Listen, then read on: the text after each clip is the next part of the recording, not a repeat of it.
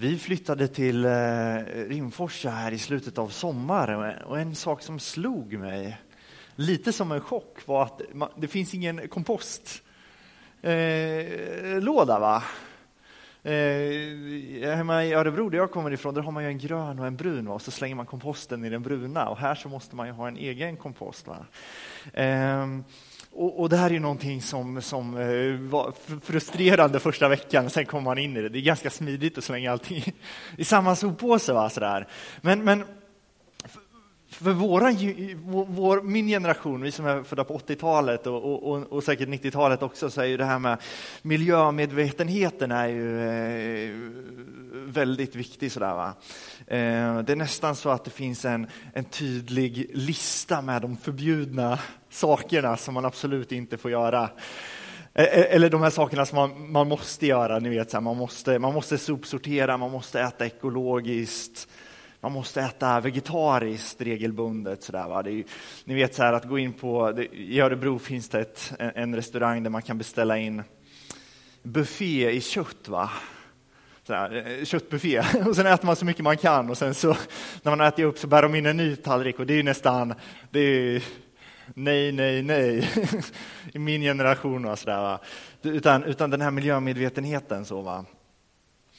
Ehm, men samtidigt i min generation så finns det vissa saker som man inte får kommentera.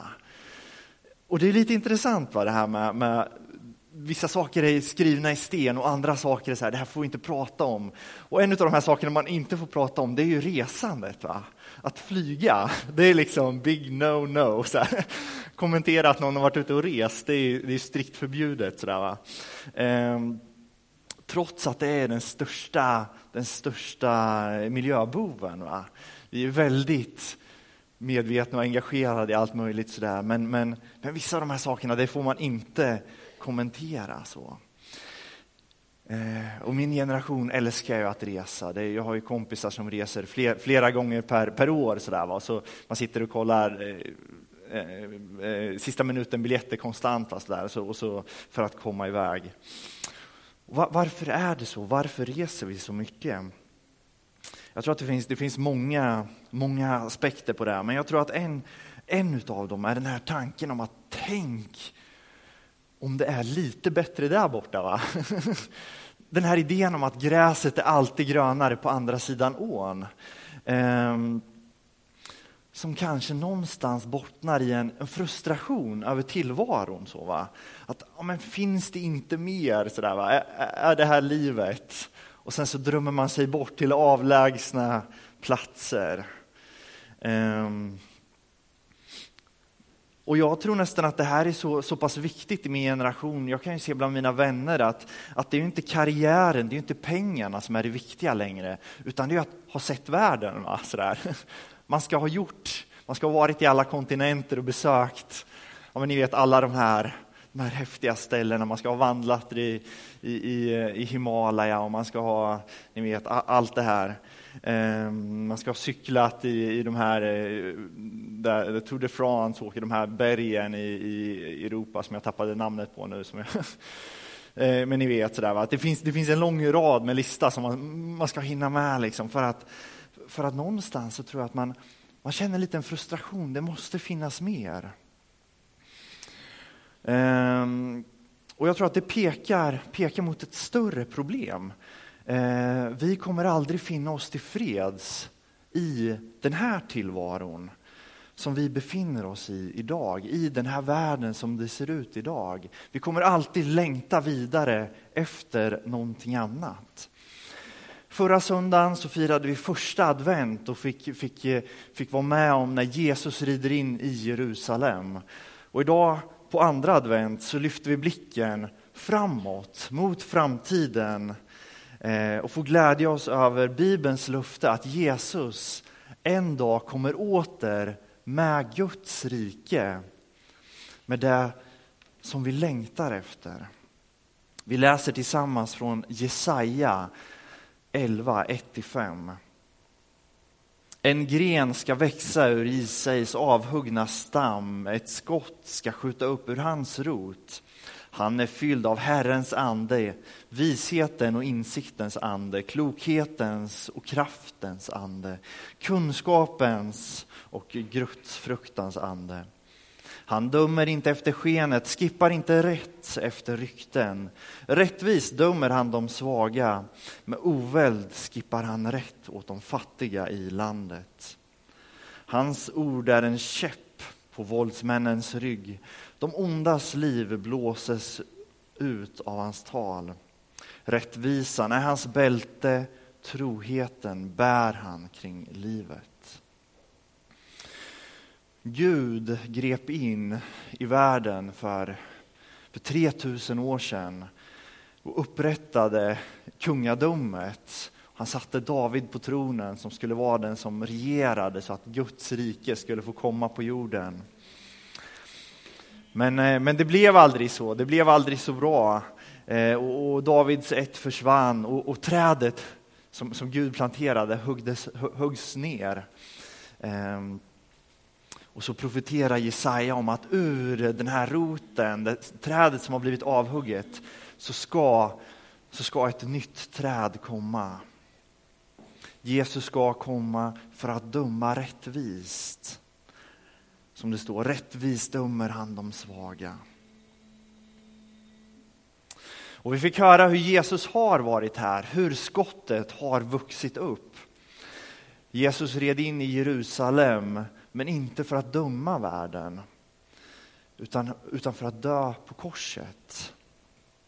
Däremot så får vi se här hur, hur Jesus ska komma tillbaka för att låta rättvisa råda på jorden. Det här är någonting som ligger framför. Vad innebär, vad innebär den här domen? Vi fortsätter att läsa Jesaja 11, 69. Så här säger Jesaja. Då ska vargen bo bland lammet, panten ligga vid killingens sida, kalv och lejon gå i bet och en liten pojke valla dem. Kon och björnen betar tillsammans, deras unga ligger sida vid sida. Lejonet äter hö som oxen. Spädbarnet leker vid ormens håla.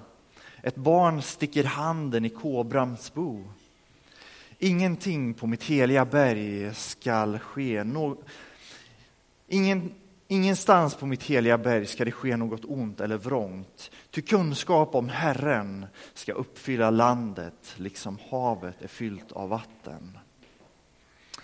Min mammas bror reste ner till Australien för, om det är, det är väl drygt 30 år sedan.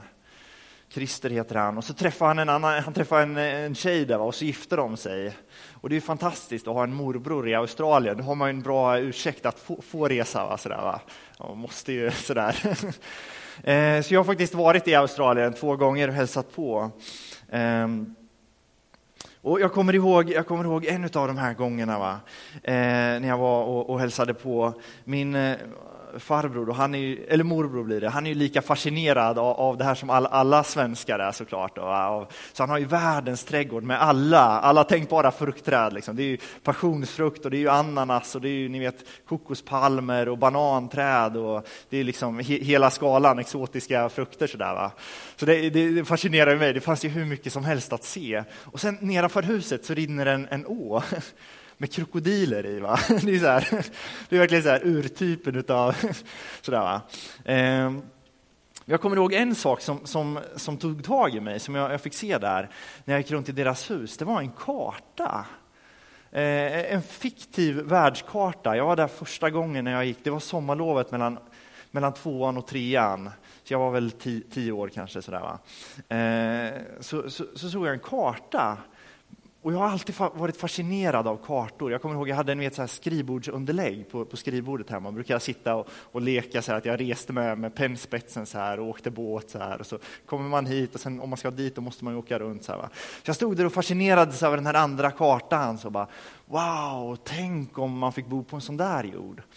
Um, och sen så kom min, min morbror då och sa det bara, visst är det fascinerande att se jorden på det här sättet. Och då förstod jag att det här, det här, är ju jorden. Det är bara ett annat perspektiv på jorden. Det var en sån här karta med, med Australien i mitten utav jordklotet. Och det är väl så, man vill alltid ha sig själv i centrum. Va, sådär, va?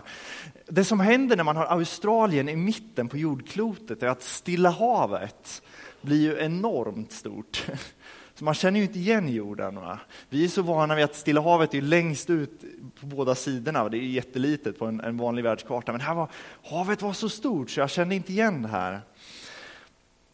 Och, och, och sen dess har jag fortsatt att fascineras av det här med olika kartor. Och de, de, ger, de ger andra perspektiv över världen som vi lever i. Um, ni vet när man, när man får se en karta som är upp och ner till exempel. det väcker jättemycket tankar. Sådär, va? Vi är så vana vid att se jorden på ett visst sätt. Och det finns, det finns kartor som är gjorda utifrån, utifrån befolkningsmängd. Där Sverige blir så pass stort som de här 9-10 miljonerna människorna är. Och, och, och, Kina och Indien blir liksom enorma. Sådär. Bara för att man, man, får lite perspektiv. Och det finns kartor på världen utifrån bruttonationalprodukt, va? utifrån hur mycket pengar länderna har, där, där västvärlden blir väldigt stora liksom, och, och, och vissa öst, eh, utvecklingsländer nästan försvinner. Sådär, va? Och, och det tar lång tid att se vad man ser på kartan. Va? Jag tror att Gud jag tror att Gud har skapat oss till att leva i Guds rike på jorden.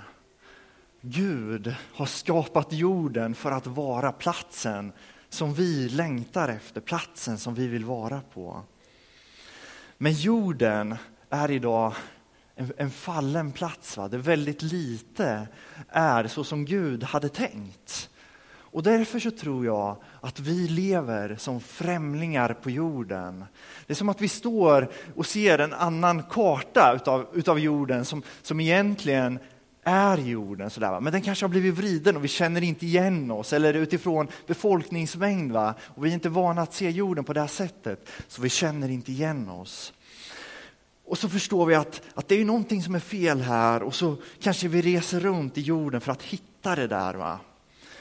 Vi, vi, vi, söker och vi försöker, vi anstränger oss i livet för att hitta, hitta det här som vi längtar efter, men vi lyckas inte. Och det här är ju inte bara vi i kyrkan, va? utan jag tänker alla människor någonstans känner den här frustrationen över, över tillvaron. Det här sökandet efter någonting mer. Och det tror jag att vi är inte skapade för att leva i den här fallna världen, utan i en himmelsk ordning. Vi ser jorden, men vi känner inte igen oss. Vi är skapade för någonting annat. Och när jag läser den här texten från Jesaja så är det någonting som tar tag i mig. Va? Jag är pappa till Tovelina som stod här framme i, i ljuståget, va? två år. Sådär, va? Tänk, tänk, att se henne så här, kunna sticka in handen i, i kobrans bo. Va? så här. Att, att valla de här stora djuren. Så där, va? Det, det, det är ju helt otänkbart. Så där. När man, ni vet, man måste ju ha staket runt tomten för att hon inte ska springa ut på vägen. Så här, va? Men, men wow! Tänk den dagen när Guds rike når jorden, när Jesus kommer åter för att upprätta skapelsen, där inget ont kan ske. I Mika 4, 1-4 står det så här. Men den dagen ska komma då berget med Herrens tempel står där orubbligt fast som det högsta av bergen, överst bland höjderna. Folken ska strömma dit, folkslag i mängd ska komma och de ska säga Låt oss gå upp till Herrens berg, till Jakob, Guds tempel. Han ska lära oss sina vägar, hans stigar vill vi följa. Ty från Sion ska lag förkunnas, från Jerusalem Herrens ord. Han ska döma mellan alla folk, skippa rätt bland mäktiga folkslag i fjärran. De ska smida om sina vapen till plogbillar och sina spjut till vingårdsknivar. Folken ska inte lyfta svärd mot varandra och aldrig mer övas för krig. Var och en ska sitta under sin vinstock och sitt fikonträd och ingen ska hota honom. Herren Sebaot har talat. Tänk den dagen när, när, när vapen smids om till verktyg. Va? Jag tycker det är intressant att följa i, på, på, nyheterna nu eh, utvecklingen i USA utifrån eh, efter de här alla hemska dödsskjutningarna och, och, och debatten kring, kring vapenlagar där vissa kritiserar de här vapenlagarna eh, eftersom det är för lätt att få tag i, i sådana här vapen som kan döda väldigt många på väldigt kort tid. Eh, med, Medan andra då menar att men nu är det ju ännu mer relevant än någonsin att, att släppa vapenlagarna för nu måste vi säkra upp oss ännu mer va? När, när, när tillvaron ser ut som den gör. Eh, men Bibeln berättar om en dag där vi inte kommer behöva vapen igen.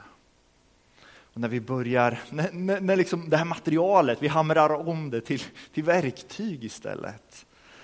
Wow!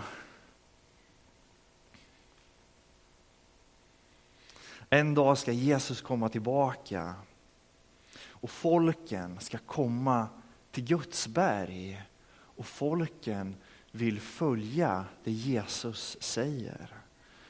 Varför? Jo, för att Jesus är den som vi längtar efter. Guds bud är det vi längtar efter att höra. När vi läser, när vi läser Moseböckerna, när Gud ger lagen, så kan man lätt känna att Gud lägger ett tom, tungt ok på oss. Va? Nej, Gud eh, tvingar oss att, att följa honom, att, att, att leva på ett visst sätt. Men, men när man läser berättelsen om Guds bud så är det ju folket som, som ber Gud om att få Guds bud. Gud frågar, är ni säkra? Och folket, vi vill ha det här, vi vill ha det här. Varför? Jo, för att folket vill veta, vad innebär det att följa Gud? För folket har fått smak på Gud. Och när Jesus går runt på jorden så kommer människor och vill följa Jesus. Människor följer i Jesu fotspår, för de ser att, vänta nu, det här är livet. Det här är livet jag längtar efter.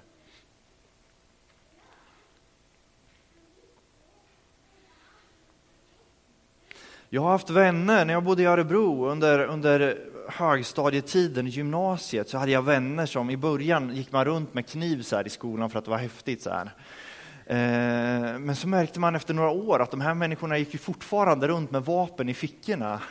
Inte för att man skulle hota någon eller tillhörde något gäng, men för att man en gång hade gjort det. Va? Och för att man var rädd. Man gick runt med vapen för att man var rädd, man var inte trygg.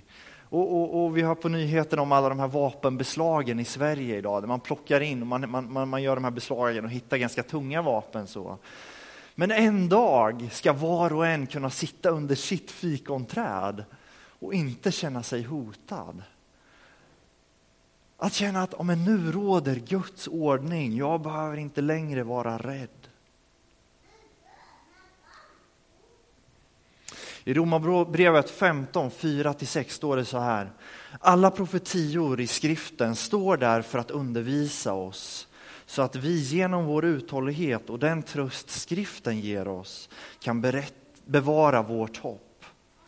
Måtte uthållighetens och tröstens Gud göra er eniga efter Kristi Jesu vilja så att ni alla med en mun prisar vår Herre Jesus Kristus Gud och Fader. Varför, varför gör vi det här vi gör idag? Varför träffas vi för att fira gudstjänst?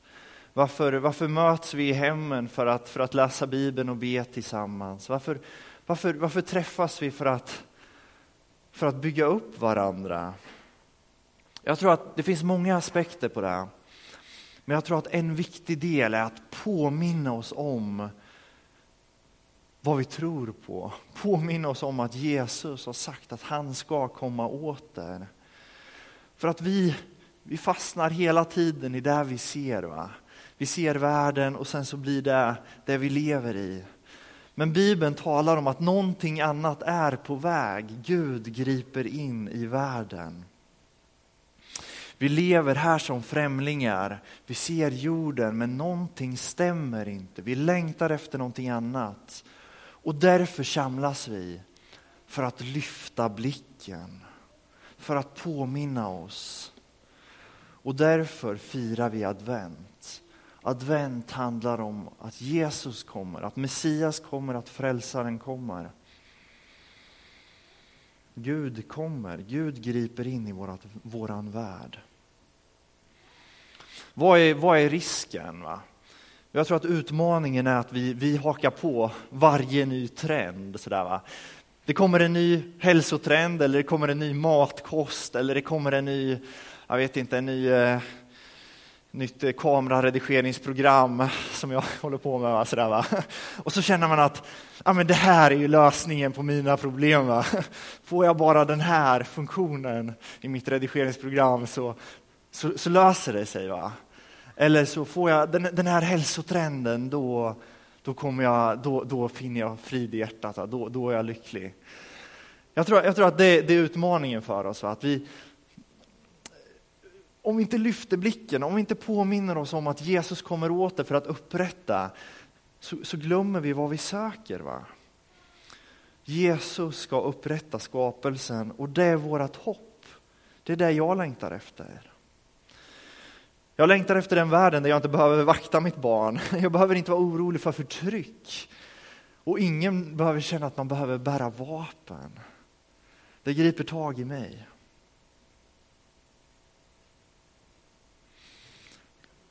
Och även om det finns mycket lidande i världen, det finns orättvisor och det finns ondska, så får vi se fram emot den dagen då Gud griper in på nytt, när Jesus kommer åter i härlighet.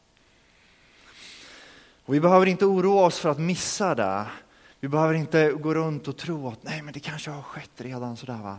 Utan, utan vi kommer inte missa det. Eh, vi behöver däremot vara vaksamma så att vi inte får för oss att det är nästa hälsotrend eller nästa redigeringsprogram som kommer vara det som löser våra problem. Utan när, när, när Människosonens dag är inne, som det står i, i evangelietexten, ska alla knän böjas och alla tungor bekänna att Jesus är Herre. Det kommer inte gå oss förbi, men det har inte skett än. Jag tycker en av de finaste bilderna i Bibeln är från Uppenbarelseboken. Det står så här. Och jag såg en ny himmel och en ny jord. Ty den första himlen och den första jorden var borta och havet fanns inte mer.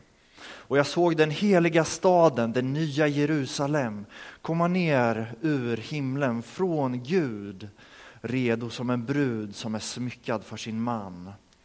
Och från tronen hörde jag en stark röst som sa Se, Guds tält står bland människorna och han ska bo ibland dem och de ska vara hans folk och Gud själv ska vara hos dem och han ska torka alla tårar från deras ögon.